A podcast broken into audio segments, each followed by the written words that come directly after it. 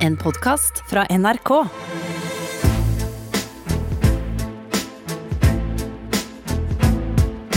Trump mot verden med Gjermund Eriksen og Sean Henrik Matheson. Ja da, selvfølgelig. Trump mot eh, verden. Velkommen skal du være. Stas at du hører på. Jeg heter Sean Henrik Matheson. Eh, Gjermund Eriksen er fokusert og klar, han også. Vi er det begge to. Det er den eh, 29. oktober. Det er fem dager igjen til valget.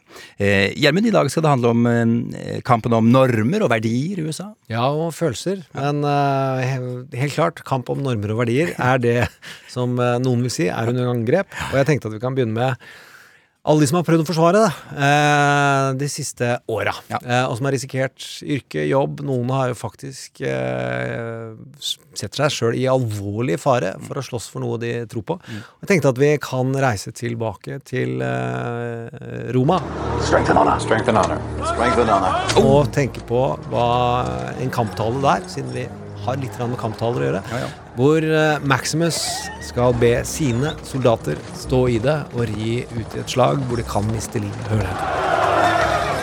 Three weeks from now, I will be harvesting my crops. Imagine where you will be, and it will be so. Hold the line. Stay with me. If you find yourself alone, riding in green fields with the sun on your face, do not be troubled. For you are in Elysium, and you're already dead. Brothers, what we do in life echoes in eternity. Maximus fra Gladiator der, selvfølgelig. Ja, og den type kamp for hverdager og for ting, det ser vi jo på som underholdning. Vi husker jo også en annen viktig setning. Are you not entertained? Are you not entertained? Å, det er godt å høre han eh, rope det, Gjermund. Men eh, fader eller eh, western, vi er jo i westernsjangeren og politikk. Vi, vi, Vi kommer dit, altså. Ja, ja, okay, vi kommer dit. Ja, Men, ja, bra, bra, men jeg tenkte å fortelle om en serieskaper som da hadde tenkt å ta tak i Roma og normer og verdier, og fortelle om hvordan For Roma var ikke bare den samme Roma hele tiden, det ble også nesten ødelagt, og så ble det bygd opp igjen. Og han ville fortelle om hvordan kaos, ut av kaos så vokser samfunnet fram, og hva som skjer med mennesker og menneskelige relasjoner i den eh, fasen, altså studere hvordan sivilisasjon kommer til gjennom mennesker og folk på bakken. Og han presenterer dette for HBO, som da var, var og er den mest betydelige kvalitetsleverandøren av vilt flotte TV-serier. Eh, og så snakker han om dette, og så sier de det er jo eh, veldig fantastisk det du her gjør. Eh, og du er jo en av de flinkeste i verden. Men vi har en sånn serie vi lager nå, og det er den dyreste satsingen gjennom tidene, og den heter Rome. Og så ser verdens tredje flinkeste serieskap på dem. Altså, det er ikke poenget. Da lager jeg en western av det allikevel. Fordi dette handler jo om å studere sivilisasjonen som oppstår. Normer og verdier. Så istedenfor Roma, så tar jeg Deadwood, da. Oh, Deadwood! Og sånn lanserer han serien Deadwood. Oh. Eh, om et samfunn som starter i faktisk by som heter Deadwood, og som var på utsiden av loven, eh, og hvor eh, blant annet eh, Wild Bill Hickok var i en av sine mest legendariske dueller. Eh, den ene faktisk, som han var i. Ja. Som ble omtalt i gårsdagens podkast når vi snakket om Tombstone, Ja. White Earp og Doc Holiday. De hadde én duell, og Wild Bill Hickok hadde en annen duell. Ja. Og dette er myten, folkens. At det finnes masse dueller. Dette er de to duellene som har funnet sted. Og det er den mest funny funfacten jeg vet om i livet mitt. Vi har sagt den flere ganger i podkasten. ja, ja. Men i hvert fall Kun to, i, kun to dueller i hele verden, altså. hvor folk gikk ut på gata, stilte seg opp og sa 'trekk først'. Mm. Uh, og de sto ikke ti meter fra hverandre. De sto i Tombstone-tilfellet. Mm. De sto én meter fra hverandre, og det var 40 skudd. Eh, fire på det ene laget og fem på det andre. Og to var ikke truffet. Og idet du skyter den første kula, så er det ingenting å se. For det er som en røykgranat. Det er. Ja, ja. Det ser man jo ikke på film, Nei, nei. men sånn er det. Uansett, Deadwood er da en westernserie som får fram helt andre ting enn westernfilm. Fordi du har lengre tid, så du spiller på flere følelser. Du kan sette sammen karakterer hvor du har vært innom flere følelser i introduksjonen av karakteren. Du kan studere flere fasetter ved livene deres og ved hverdagene deres. Og det utnytter David Milch i denne serien til sitt fulle. Så kan vi ta et Bare ta hoved, en av hovedpersonene, en av de største antagonistene som finnes i fiksjon, nemlig Schweringen, Al Schweringen. Og der tar David Milch og først presenterer han som en bartender. Han har lavere status enn han som setter seg ned i baren. Han snakker hyggelig, og han er eh, morsom og underholdende. Så vokser han på deg litt, og plutselig så går han opp og slår ned en hore, en kvinne som jobber for å selge sex for han, som er hans sexslave, som har drept et annet menneske, som han ber innstendig om at blir fora til grisene. Med andre ord så går du gjennom så utrolig mange følelser i løpet av sju minutter med denne karakteren, og allerede der er det et springbrett til usannsynlig størrelse. Og dette er jo veldig mye lettere i teorien enn i virkeligheten. Det er derfor David Mills får det til, og veldig mange av oss andre sliter noe veldig. Og til slutt, i slutten av episoden, så ligger denne karakteren i senga si og stirrer ensomt ut, og du tar inn melankolien i hvordan den karakteren fungerer. Og det David Milch beviser, at i serier så får du ladet western-karakterene på et helt annet vis enn man gjør i film. Eh, Hva mener du med å lade, Gjermund? Ja, det går jo veldig på dagens tematikk, og da kan vi ta fram Vi har gjort det før, men det er lenge siden. Vi må ta fram X-Fill-pensumet. Eh, nemlig at uh, noe av det viktigste som man har funnet ut i samfunnsvitenskapen og i humaniora overhodet, det absolutt største, det er den språklige vendingen på slutten av 1800-tallet med Ferdinand uh, Saussure en fransk språkfilosof som beviste gjennom sine resonnementer at tegnet er dødt. Det vil si Ja, nå lurer jeg. ja, at forholdet mellom virkelighet og tegn og oss er arbitrært. Hva slags tegn snakker vi om nå? La oss si Coca-Cola-logo. Okay. Den betyr ingenting egentlig. Det er bare rødt og hvitt stabla i en eller annen rekkefølge. All mening og følelser, og jeg jobber ikke for Coca-Cola, drakk mye av en annen brus lenge, slutta med det nå, men alle følelser vi knytter til den, det har vi putta inn. Noen som jobber for Coca-Cola, vil at du skal føle frihet. At du skal føle at dette er en viktig del av ungdomskultur. At, det, at det er et vagt uh, sammenblanding med opprør, uh, og at det, er god, uh, at det er godt, at det smaker godt, og at du blir pen og vakker. Det er det reklame, kommunikasjon og serieskapere gjør. Vi lader døde ting, tegn. Og så kan du tolke tegn så mye du vil her i verden, eh, men det gjelder jo også begreper, ord og handling. Skattelette.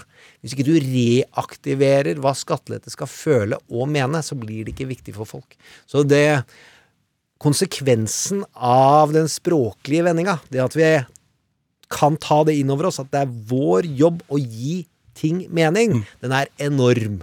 Og en av de tingene som er underkommunisert, fordi vi tror så veldig at mening er rasjonelt alene, det er at vi tilfører ting følelser.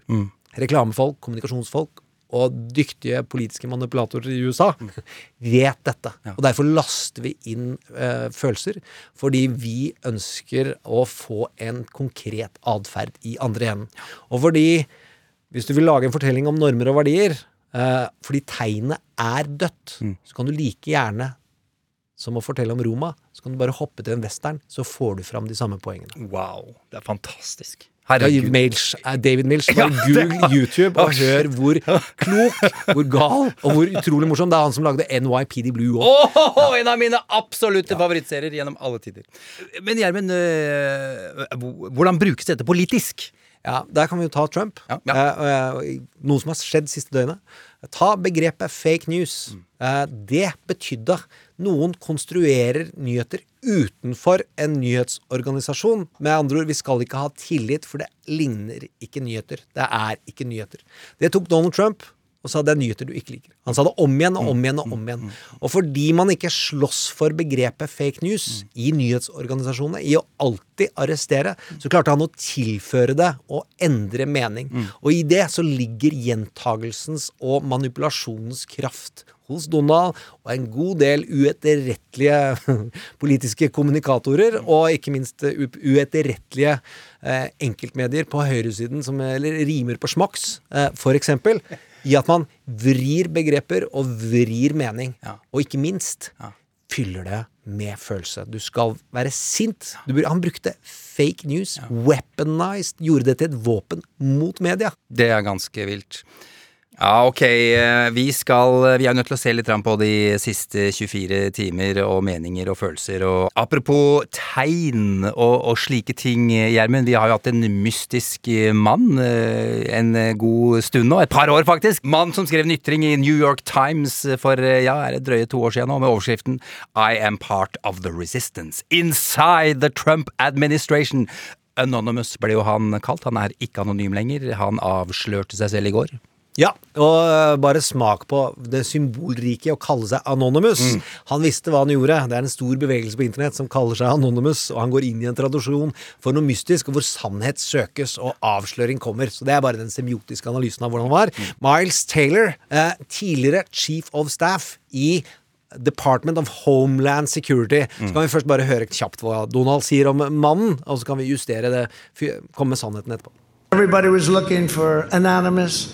Turned out to be a low level staffer, a sleazebag.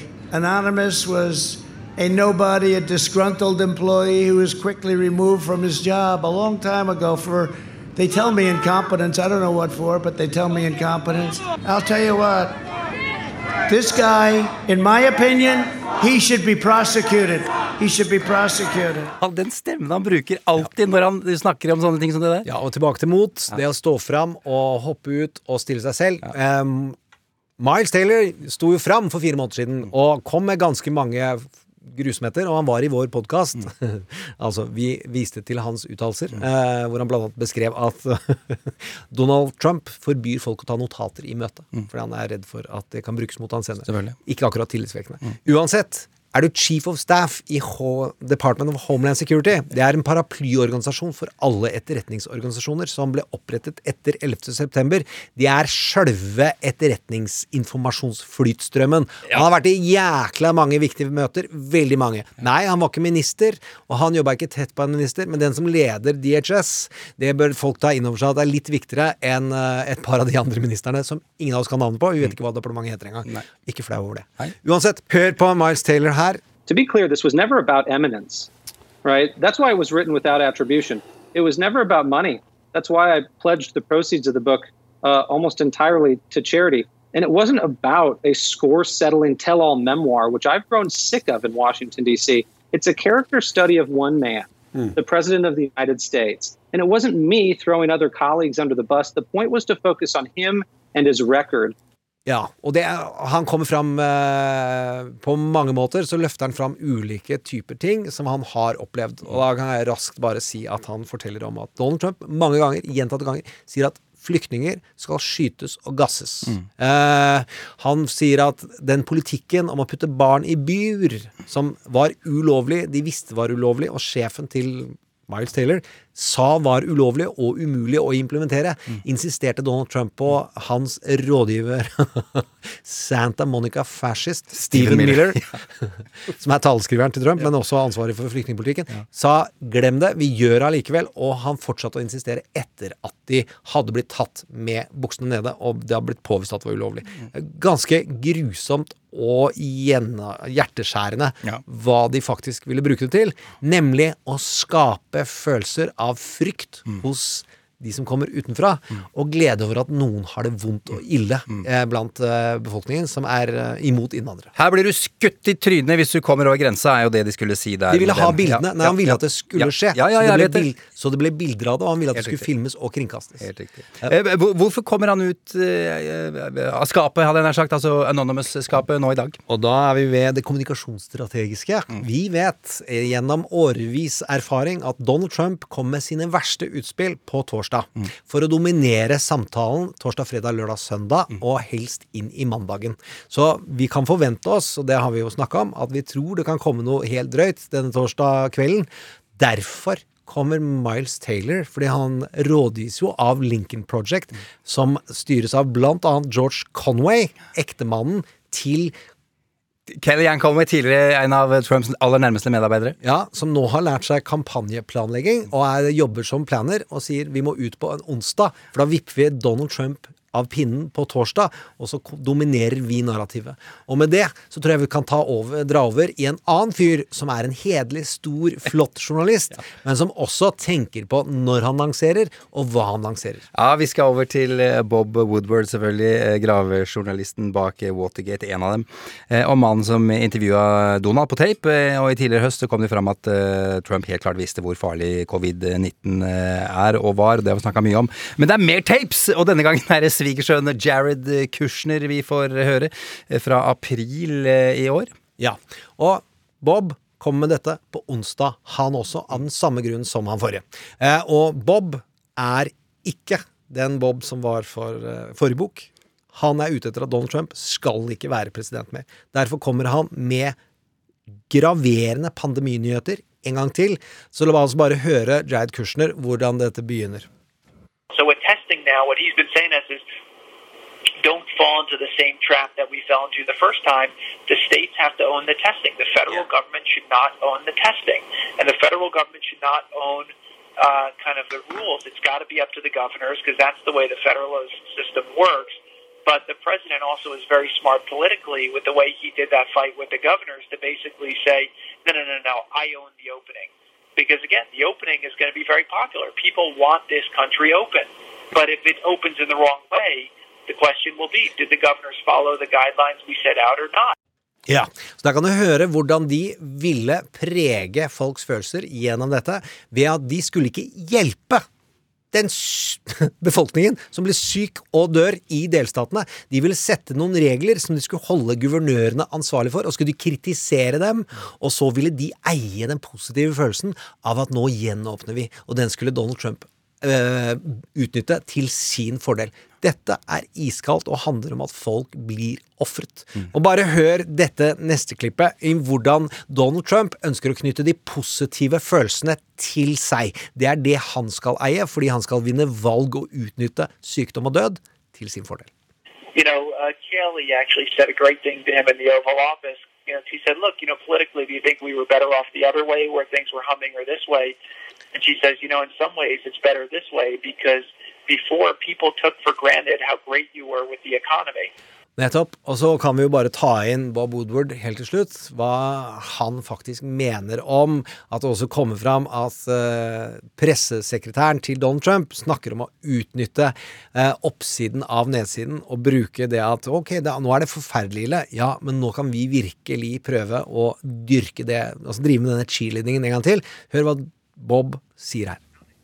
Uh, that is uh, a Shakespearean tragedy unto itself. The idea that would you you would say, let's embrace disaster, and then you can come back from that, and people will appreciate you in some way they would not if we had not had this disaster. Uh, the first time I heard that, I thought, is that possible? Is the would the president ask that kind of question? How do I maneuver my way politically through this? And the answer is yes, and that uh, the press secretary would give this this kind of answer. So so where this all comes together, uh, we are on a collision course uh, with with history right now. Ja.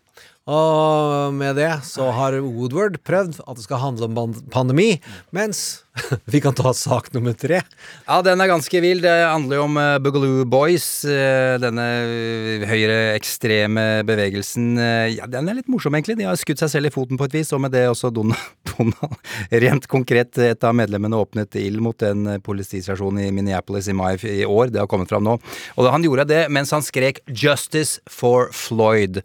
Denne svarte mannen som ble kvalt og drept av politiet nettopp i Minneapolis. Med andre ord, han forsøkte å sverte grupper som har protestert kraftig mot behandlingen av, av svarte, og ikke minst eh, George Floyd, f.eks. Antifa og, og Black Lives eh, Matter. Terrorister, som eh, Trump eh, kaller dem. Men hvem er det som er terrorister nå? Nettopp, det er jo eh, grupper Trump ikke tar ut eh, avstand fra. Stand back and stand down, det var jo til Proud Boys under den første presidentdebatten. Ganske vilt. Ja, men det blir ett knepp verre, for da sitter jo eh, en av de store etterretningssjefene til Donald, som han har utnevnt, og som ikke kommer fra Miles Taylor-tradisjonen, nemlig lang og god erfaring i etterretning og informasjonstjenester, og sitter på en scene og sier at han, eh, hvor han skal si at det er, ja, det er høyreekstreme grupper som truer med vold, men det kommer fra Iran. Med andre ord, han har lyst til å gi dette fenomenet høyreekstremisme, knekke det og gi det en annen mening og følelse, nemlig at det er Iran som står bak. Uh, dette er helt spinnvilt, og vi går bare videre. Ja, fy søren. Det har vært mye snakk om følelser i dag, og det skal ikke bli noe mindre nå, Gjermund, når vi får besøk av en psykolog. Vi skal få det jeg har venta på hele livet, nemlig at noen skriver en skikkelig lang og god bok om alle sider av følelser, og hvordan det ikke er wishy-washy, men det bygger på fag og virkelig liv. Å, jeg gleder meg. Ja. Birds flying high, It's a new dawn, it's a new day, it's a new life for me. And I'm feeling good.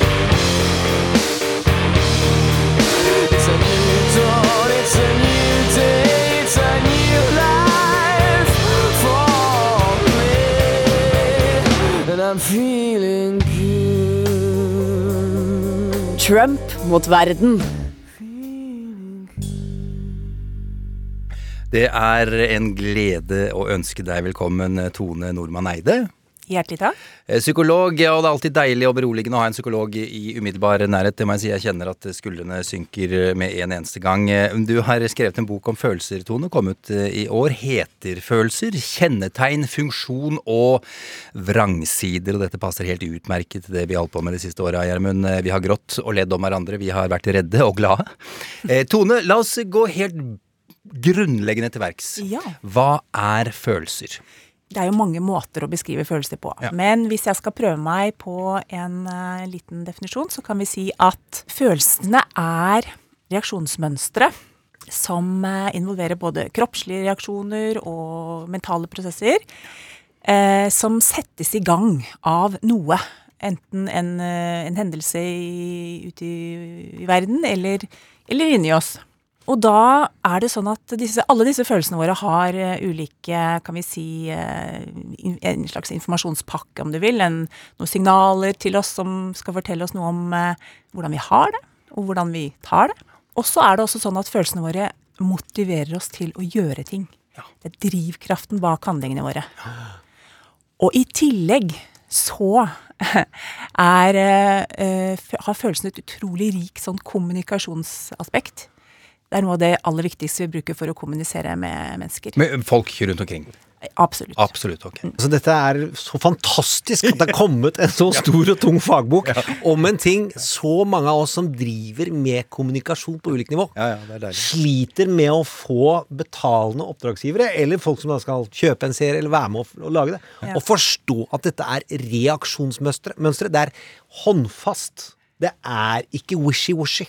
Dette er dokumenterbare størrelser. Det er. Og at det er forutsetning for kommunikasjon. Ja, det er godt. Eh, eh, Hvilke følelser er det som preger folks hverdag mest, vil du si? De vanligste tingene vi holder på med, Tone?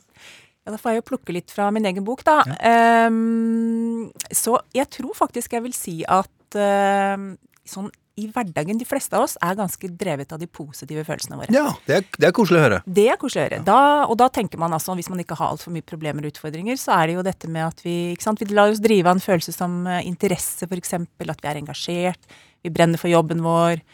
Um, og en følelse som glede, som eh, mange av oss Altså, vi ler eh, bemerkelsesverdig mye i løpet av en dag, viser det seg. Det er det forsket på. Ja, det er det forsket på. Ehm, og også den følelsen som jeg er jo også veldig glad i, som jeg rett og slett har valgt å kalle kjærlighet. Ah, som er Å slutte med kjærligheten. det kjenner jeg nå. Det var godt å høre. ja, og glede, ikke sant. Og kjærlighet er tett forbundet, for det er jo noe av det som skaper den samholdet og følelse av velbehag, og som man kan få i mange andre situasjoner òg. Når man spiser sjokolade, har jeg hørt. For eksempel. Ja. Men, jeg, men bare for å ta det relativt konkret, noe av det jeg Mm. syns er viktigst i forhold til politikk, drama, Mm. reklame og all form for kommunikasjon. Hvordan spiller følelsene inn i forhold til hvordan vi tar inn informasjon, Ja. og hvordan vi lagrer informasjon? Um, alle følelser uh, bidrar jo til at vi uh, sant, lærer noe om, uh, om oss selv og andre og omgivelsene våre.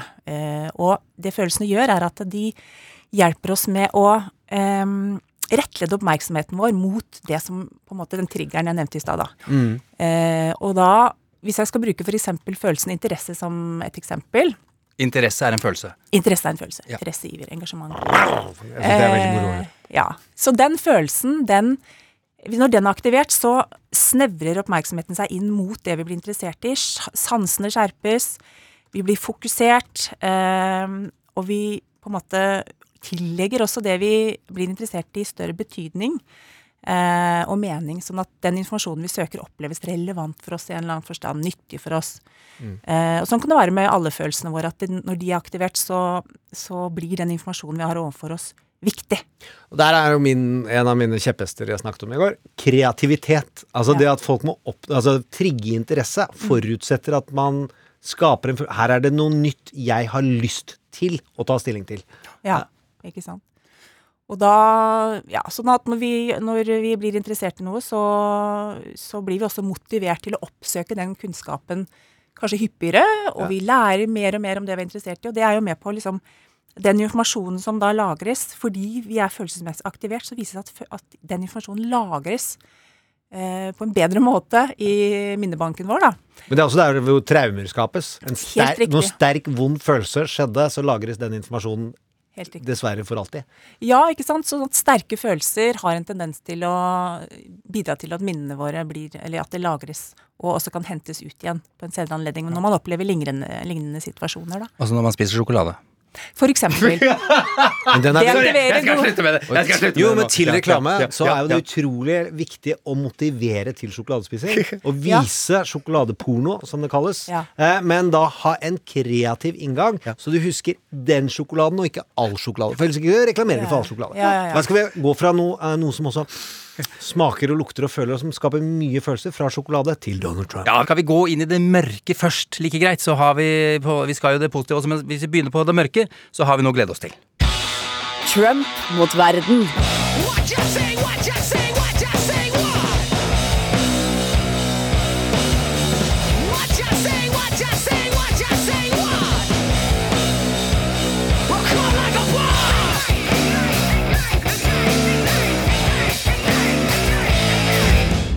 Ja, Er det noe Trump gjør, så er det jo eh, vel å spille på følelsen frykt. Eh, Jeg tror vi kan si det og slå det fast, eh, Gjermund. Tone, mm. hvordan vil du beskrive frykt?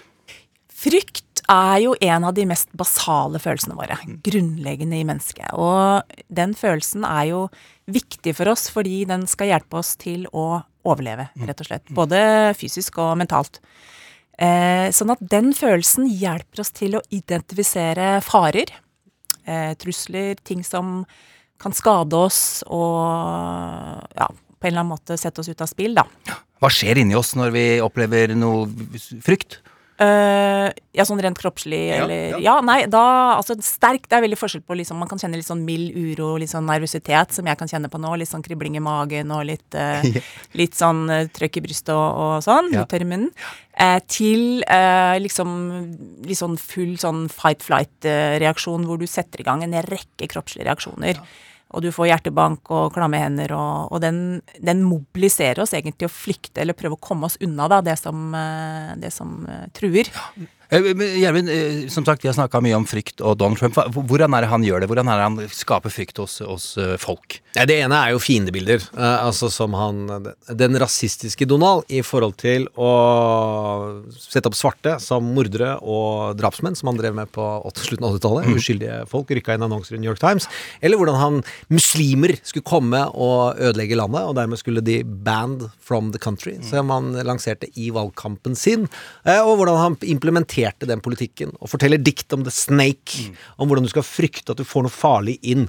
Fordi Frykt er jo at du trigger kroppslige reaksjoner, men det trigger også evnen til å søke fellesskap. Hvor altså, de som er redde sammen, de kan ved å stå sammen mot denne frykten, så kan du gruppere mennesker på en helt unik måte.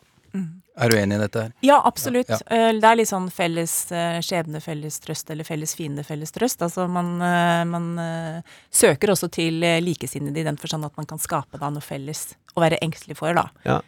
Hva er denne frykten for andre? Altså, jeg skriver en serie om rasisme, blant annet. Eh, Så hva, hva, hva slags frykt er frykten for muslimer, flykten for svarte eller en andre, fra andre kulturer? Ja. ja, du nevnte det med fiendebilder. Ja. Ikke sant? At eh, det at vi har en tendens til å ehm, bruke jeg, jeg vil kanskje trekke fram den følelsen som jeg kaller forakt. Eh, som er en følelse som Ikke sant? Som, som uh, hjelper oss på en måte til å heve oss selv uh, over andre. Mm. En følelse av overlegenhet. Jeg er bedre enn deg. Men er det, er det en, en, kan det også være en fin ting, så jeg tolker jeg du sier nå? Ja, det kan jo det. Altså, hvis du Jeg forakter rasister, for eksempel. Ja, ja, ja. Ikke sant? Ja, ja, ja, Ja, så det er nok en følelse vi alle, vi alle kan kjenne på for å, for å styrke vår egen selvfølelse. Mm. Men det den foraktfølelsen gjør, er at den skaper ofte en sånn type polarisering eh, mellom oss, altså vi, de hvite gode og de sorte dårlige, eller altså Ja. Og at man tilegner da fienden ganske sånne dårlige egenskaper. Så da får man folk som ikke har det bra, ikke har god økonomi, til å godta det med fordi de er trygge på at noen andre har det i hvert fall verre. Eh, Ja. Og at du spiller på at de lover at de andre skal i hvert fall ikke få det bedre enn deg. Eh, det er en hersketeknikk som det republikanske partiet har implementert over 60 år. Hva slags følelse er det de spiller på da? Det som kan være en, sikkert en av flere ting som spiller inn, kan jo være denne følelsen som jeg kaller misunnelse, da. Aldri kjent på. Mm, ikke heller. Kjenner ikke til den. Ikke sant? Sånn at uh, jeg eh, Så lenge jeg kan bevare mitt, så, så er all good. Men i det øyeblikket jeg opplever at noen andre har noe jeg vil ha, eller noe jeg vil strekke meg etter, så vekkes den misunnelsen i meg da. Og, men men Gjermund, den påstanden du kom med nå, hvordan har eh, republikanerne gjort det nå i 60 år? Hva er det de har gjort for noe? Nei, Det er f.eks. å spille på at uh, vi skal uh, passe på at de svarte ikke får egne velferdsordninger. At de skal, vi skal ikke bruke penger på å utbedre deres bydeler. Ikke kalle, vi kaller dem welfare queens. Dere kan høre på episoden med Kjetil Laknes, som ligger i kartoteket vår, som går igjennom hvordan dette her er en uh, undertrykkelsesstrategi hvor du både undertrykker den hvite underklassen, men og holder de fornøyd med at den enda dårligere klasse finnes og beherskes. Og det er, og det er eh, en strategi fra toppen, altså. Så dette er jo hemmelige dokumenter som har kommet ut. Ja, ja, men, så, men da sørger de for at uh, de hvite som eh, De bare ikke blir misunnelige, og dermed så blir det ikke noe opprør? Er det det som er liksom planen bak det der? Eh, Ja. ja, ja. Kan være Ja, hold, de, hold de misunnelige. Ja. Altså Spill på misunnelsen. Altså at de der skal ikke få mer. Det er viktigere for disse. Eh, og viser det seg i en del sånne teststudier at det er viktigere for folk at det noen andre ikke får mer. Og da trigger man Eh, Misunnelse kan jo også ses på som en altså dette, Nå bare tenker jeg ut fra hvordan jeg tenker, eh, og så får du si hvordan forskningen står. Men eh, du trigger Du føler noe av det samme som du føler når noe er urettferdig. Altså, du føler det urettferdig. De som ikke har et bevisst forhold til sin egen misunnelse, tenker at det er urettferdig at hun dama skal ha den jobben. Selv om hun er flinkere eh, og har bedre utdannelse, så syns du det er urettferdig fordi at hun kommer fra eh, dette vanskelige landskapet kvinner. Ja. At vi, har, også, ikke sant? vi sammenligner oss stort sett eh, med andre, og vi har en Vi ønsker jo at de andre som vi ikke sammenligner, eller som vi sammenligner oss med, eh, helst skal ikke ha det fullt så bra som oss selv, da. er det, det er vanlig, det gjør Ja, det vi alle. helt, mann, ja, liksom. det er helt greit. Ok, greit. Ikke sant? Ja. Når du sammenligner med kollegaer, Ja, ja, så er det veldig irriterende at de har litt bedre lønn Ja, enn deg. fader. Eh, En annen øh, følelse han spiller på, Trump, er jo sinne. Mm. Eh, hvordan gjør han det, Gjermund? Det er jo, det er jo Twitter-maskinen hans er jo om å gjøre å trigge sinne hver dag. Se hva Biden har gjort nå, se på- på- på- Se hva Biden har gjort. Hat Pelosi, hat Biden, hat mine tidligere medarbeidere, som vi har snakket om mye i dag. Altså Få det aktivert, fordi da aktiv- det er jo hans plan og strategi at da sprer de budskapet for han. Ved å gjøre de sinte, så får han retweets, han blir omtalt, og hans følgere maser på sine medier om hvorfor snakker dere ikke om det Donald sier? Hvorfor snakker dere ikke? Så for han så er dette en kommunikasjonsmaskin. Ja, og hvorfor er det viktig det å skape sinne ute blant uh, eh, Ja, så sinne er jo også en av disse basale, gode, egentlig viktige, viktige følelsene våre. Igjen for å, for å kunne beskytte oss og, og, og mobilisere til kamp. Eh, sånn at eh, sinne har mye kraft i seg da, til, å, til å også kunne gjøre endringer. I, positive, I positiv forstand. Ehm, så det å på en måte mobilisere gjennom en sånn følelse og på en måte opprettholde da disse fiendebildene som Gjermund var inne på, at man, at man eh, kan skape noe, liksom en felles front da, mot noe som man skal ta Mhm. uh, og kjempe mot. da. Ja, ja. Så det er en veldig god, og har også en veldig sånn samlende effekt igjen, dette med at uh, sammen er vi sterke-mentaliteten. Eh, Tone, jeg synes eh, ofte det er eh, aller lettest å huske det som er eh, negativt. Eh, Ja. ja, og det jeg har skjønt er vanlig, det også. Eh, og hvorfor er det det? Hvorfor skal vi liksom huske på det hele tiden? Ja, hvorfor skal vi det? Eh, irriterende det, eh, kanskje. Men eh, også viktig fordi eh, Inger Marie, denne, dette er kona mi. Kan du, denne delen kan du hoppe over. Ja, nei, altså eh, Hvis vi kan tenke igjen helt sånn basalt på disse følelsene våre, så er det jo Det har jo, en, har jo hatt en ganske god funksjon for oss, det å legge merke til som vi var inne på i stad, farer eller ting som kan eh, skade oss på en eller annen måte. eh, eller, som vi på en måte må memorere og huske at her må jeg være på vakt. Her må jeg passe meg så ikke den og den trusselen kommer og, og tar meg, eller eh, Og også ting, sant, frustrasjoner vi kan ha i hverdagen som, som vi ønsker, sånne hindringer vi ønsker å overkomme. Nei, jeg, altså, jeg syns jo i eh, politisk sammenheng, eh, men også dramatisk, men la oss holde oss i politikk, det er en manglende forståelse av at negativitet fungerer. Mm. Altså at negativ reklame Vi har ikke TV-reklame i Norge for politiske partier, heldigvis, eh, syns jeg. Eh, men eh, det har du masse av i USA, og så er det denne myten om at nei, det, det nytter ikke å være negativ, det nytter ikke å være positiv. Men det å informere folk om din posisjon, altså det å prege folk med at gjøres A, så B, det er vårt partisyn, det ser jeg på som positivt. Det er avklarende, og da spiller man på det negative. Eh, og da gjør man det riktig, så kan det innprente eh, Gi deg eh, politiske tilhengere. Så jeg ser ikke på alt negativitet som Negativt. negativt. Kanskje spesielt hvis det har vært institusjoner eller mennesker du i utgangspunktet hadde tillit til, eller sånn du Mm. tenkte godt om.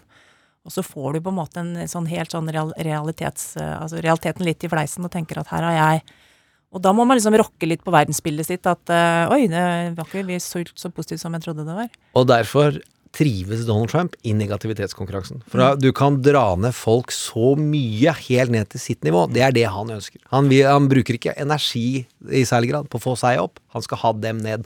Og det huskes hvis det gjentas om igjen og om igjen. Og om igjen. Og nå må vi snakke Ja, om noe ja, positivt. vi kan vi ikke gå litt i en annen retning her nå? Håp, Håp, håp, håp!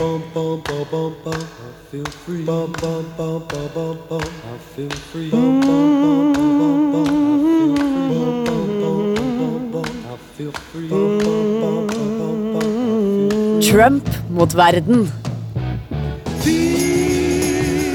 when I dance with you. We move like the sea. You,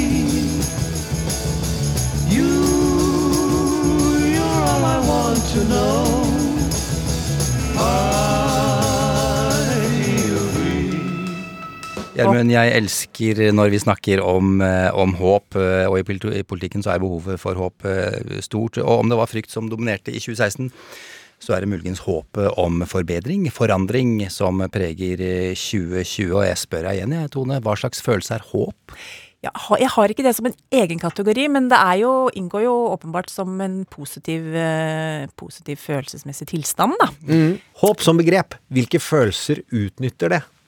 Ja, hvis vi tenker oss at håp er en noe som også gir en slags trøst, ikke sant. Hvis, I utgangspunktet, hvis det faktisk er litt sånn, og det er det jo at vi går mot en slags undergang en eller annen gang i fremtida, og, Mm. og døden venter der fremme og sånn. Oh, Så det er, det er noe med å holde alt det derre Det er mye nærmere nå enn det var i 2015, folkens. Ja, og det er noe med å holde det derre vonde litt unna, da.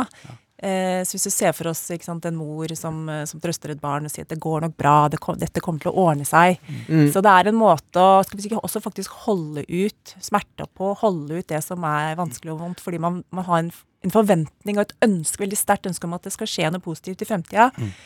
Eh, og, og da, ja, så jeg vet ikke om det Det er en måte å holde kanskje de vonde følelsene litt unna på. Det er, det er i hvert fall i politisk eh, kommunikasjon, men også all, veldig mye annen kommunikasjon og, og drama, så er det jo også for å mobilisere til handling. Stå opp om morgenen. Ting kan bli bedre. Altså Nå er det desperat behov i USA for å få valgkampmedarbeidere ut og banke på dører. Og kom dere nå og stem, for nå burde dere ikke sende dere med posten.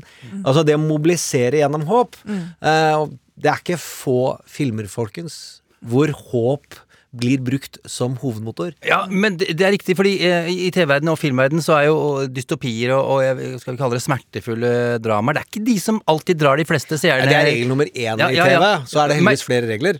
Du kan ikke lage en serie og håpe på det bredeste publikum hvis det bare går nedover. Ja, for Det orker ikke jeg å se på, det sier jeg bare rett ut. Så det, men betyr det da at det er, det er behov for fortellinger med håp eh, mer eller altså en smerte?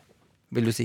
Ja, ja kanskje, kanskje litt både òg. Altså, Ja. Vi har jo en, noen av er jo sånn sucker for smerte òg. Vi ønsker på en måte, om vi har vært der litt, så ønsker vi i hvert fall å lande i noe godt. At, ikke sant, at det er det som gir ro og sjelefred. og, og eh, det motsatte vil jo være ikke sant, i mitt felt eh, med men møte mennesker som er preget av mye håpløshet. Ja. Og da var jeg en kort inn i depresjoner og, og det som er her. Sånn at det å Håp er eh, en helt sånn eksistensiell tenker jeg, sånn grunnbetingelse i i oss, da. Ja, og det er, og det er grunnen til at det fins i fortellinger. Det ene er jo at noen samfunn eh, bruker fortellinger for å eh, stagge sin befolkning. Det er håp, eller ting blir bedre. altså Kommunistiske fortellinger i eh, østblokken på, eh, før murens fall og sånn. Eh, bruker jo fortellinger nemlig til å berolige, og det, alt går bra. Egentlig kan, siden vi snakker om western, familievestern med huset på prærien handler om å berolige en amerikansk middelklasse om at alt var fint, og vi var ikke så slemme mot svarte, og indianerne hadde det egentlig bra. Bare tull! Svarte hadde det forferdelig, indianerne ble, ble misligholdt. Ja, ja. Mens da bruker man underholdning til å eh, Nothing to see here. Litt som i den fantastiske Jim Carrey-filmen Truman Show, hvor alt bare skal ende i litt lys og litt varme mot slutten. Sitcom-oppskriften. Og et stort midlertidig problem som ordner seg til slutten, og Ja. friends blir friends in the end. Yes, yes. Eh, mens det er også ekstremt viktig at fortellinger, hvis man ser darwinistisk på det Og da blir jeg alltid rørt av hvorfor fortellinger fins, ikke av meg selv, men nemlig Fortellinger er læringen om at det nytter. Det må, du må kjempe. Du må stå opp om morgenen. Ting skjer ikke av seg sjøl. det var litt pompøst. Nei, det er fint. Det er nydelig. Men vi legger på. Opera under her, Ja, så går det veldig fint. Eh, det er ikke mange dagene til, til eh, valget, og enten så vinner Biden, eller så vinner Trump. Eh, noen kommer til å bli kjempeskuffa, sinna, alt det der. Da er det vel to ting eh, som er viktige, det er forhåpentligvis, og det er jo da forsoning. Mm. Som noen jo mm, forsøker å få til. Hva slags følelse må til her for å få til en forsoning av et land som jo er revet i, i fillebiter, eh, hadde jeg nær sagt? Uh, Eller hvordan gjør du det i parterapi? Ja. Nei, Ja, vi kan altså, ta litt ned, det er bra. ja, Ja. Nei, jeg tenker ikke sant, Det er jo fint å få jeg, å si, fakta på bordet og se hva som har skjedd, og undersøke en sak, gjerne fra flere sider. Eh, here, here. Og prøve å forstå eh, hva er det som har ført oss hit. Um, for det er jo helt sikkert noen grunner til det.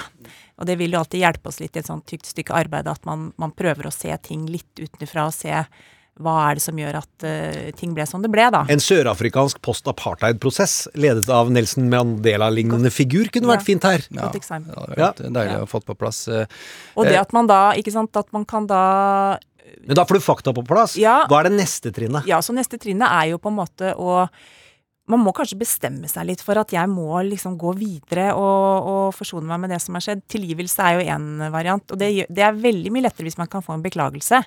At noen sier at ja, det var kanskje ikke så smart dette her. Mhm. Men, uh, men noen ganger så må man bare akseptere at uh, her er det ikke mer å få gjort. Eh, og kanskje gi opp et slags håp om at det var jeg som skulle gjøre denne endringen i denne omgang, og tenke lar jeg det ligge, og så kan jeg heller mobilisere noe til en annen gang. Uh, og tenke at uh, sånn ble det nå. Uh, en annen ting, jeg, jeg vet ikke om er nederlag Er det en følelse, Tone?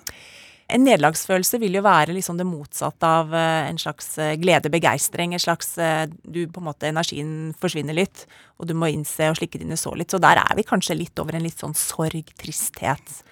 Eh, og i verste fall litt sånn over i noe litt sånn bittert. eh, Noen kommer til å føle veldig på dette her, Gjermund. En, en formulering som har gått igjen i det siste. Ydmykelse er følelsenes atombombe. Ja. Eh, som jeg ikke er sikker på hvor kommer fra, men jeg er i hvert fall sikker på at krenka hvite menn har gjort store, forferdelige, voldelige ting. Mm. Når denne eh, antigleden som du beskriver, eh, får gnura lenge nok, Mm. så blir de voldelige terrorister.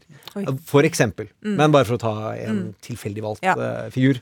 Hvor, hva slags, hvorfor, det sånn hvorfor sier de at ydmykelse og krenkelse er følelsenes atombombe? Med andre ord, det kan føre til ekstreme handlinger. Mm. Ja, det er jo gjerne knyttet opp til uh, mennesker som i utgangspunktet kan ha ganske høye tanker om seg selv, uh, om hva de kan utrette her i verden. Og at eh, Tilfeldig at vi man- etter Trump mot verden her. Ja.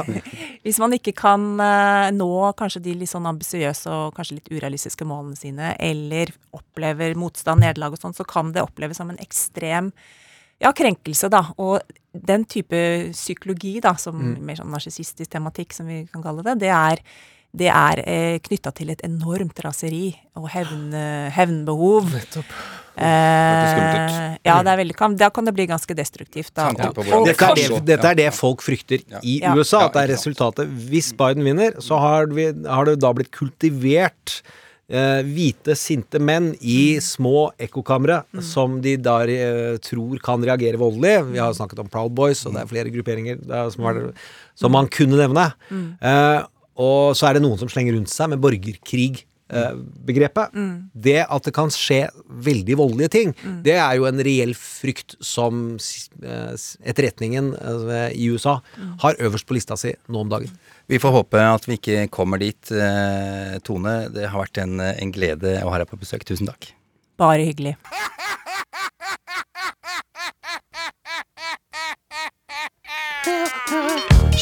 Don't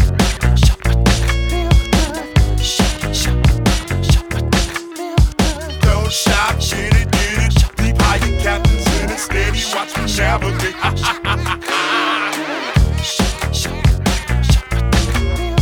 Trump mot verden. Med Gjermund Eriksen og Sean Henrik Matheson.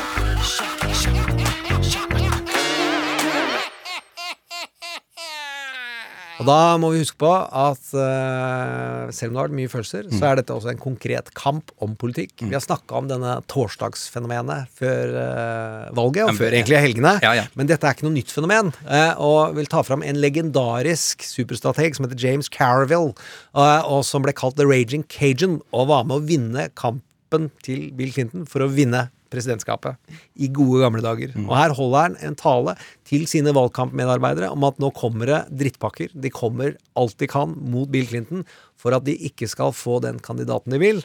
Eh, og at dette kommer av Roger Ailes og Fox-systemet. Så buckle up, folkens, og tenk på kjærlighet. Eh, og det vi tar Carville til kjærlighet, for husk hvem han var gift med.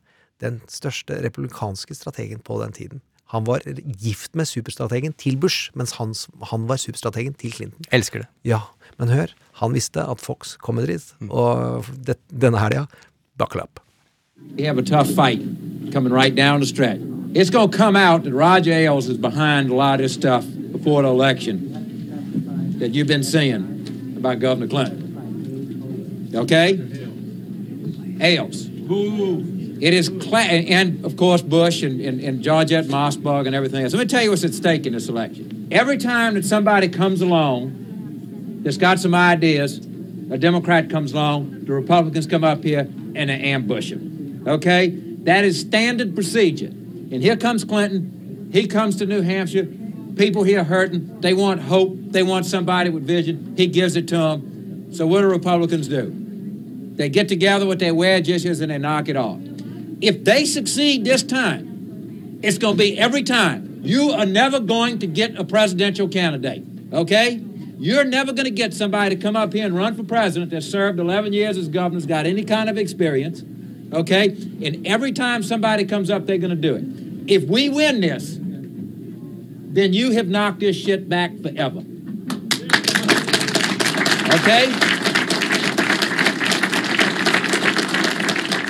So let's go. We got, you know, we got six more days to go.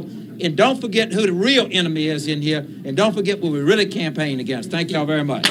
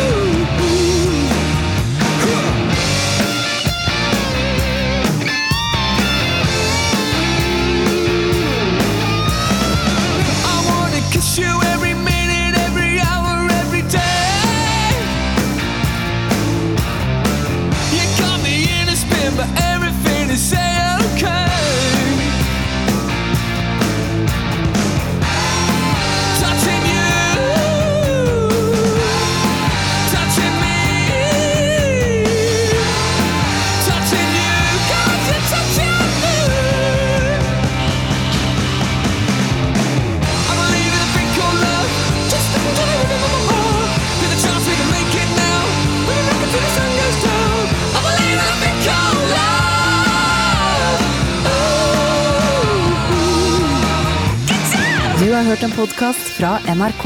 Hør flere podkaster og din NRK-kanal i appen NRK Radio. En podkast fra NRK. Hei, jeg heter Eivind Sæther. Jeg er småbarnsfar og samboer. I Havarikommisjonen skal du få møte par som har gått fra hverandre. Vi ble så slitne at vi begynte å hakke litt på hverandre. Hvem skulle ta oppvaska, hvem lagde mat? Sammen med to psykologer skal jeg prøve å finne ut hvorfor det gikk galt, og hvordan vi kan unngå å havne der selv. Last ned podkasten Mellom oss og hør serien Havarikommisjonen i appen NRK Radio.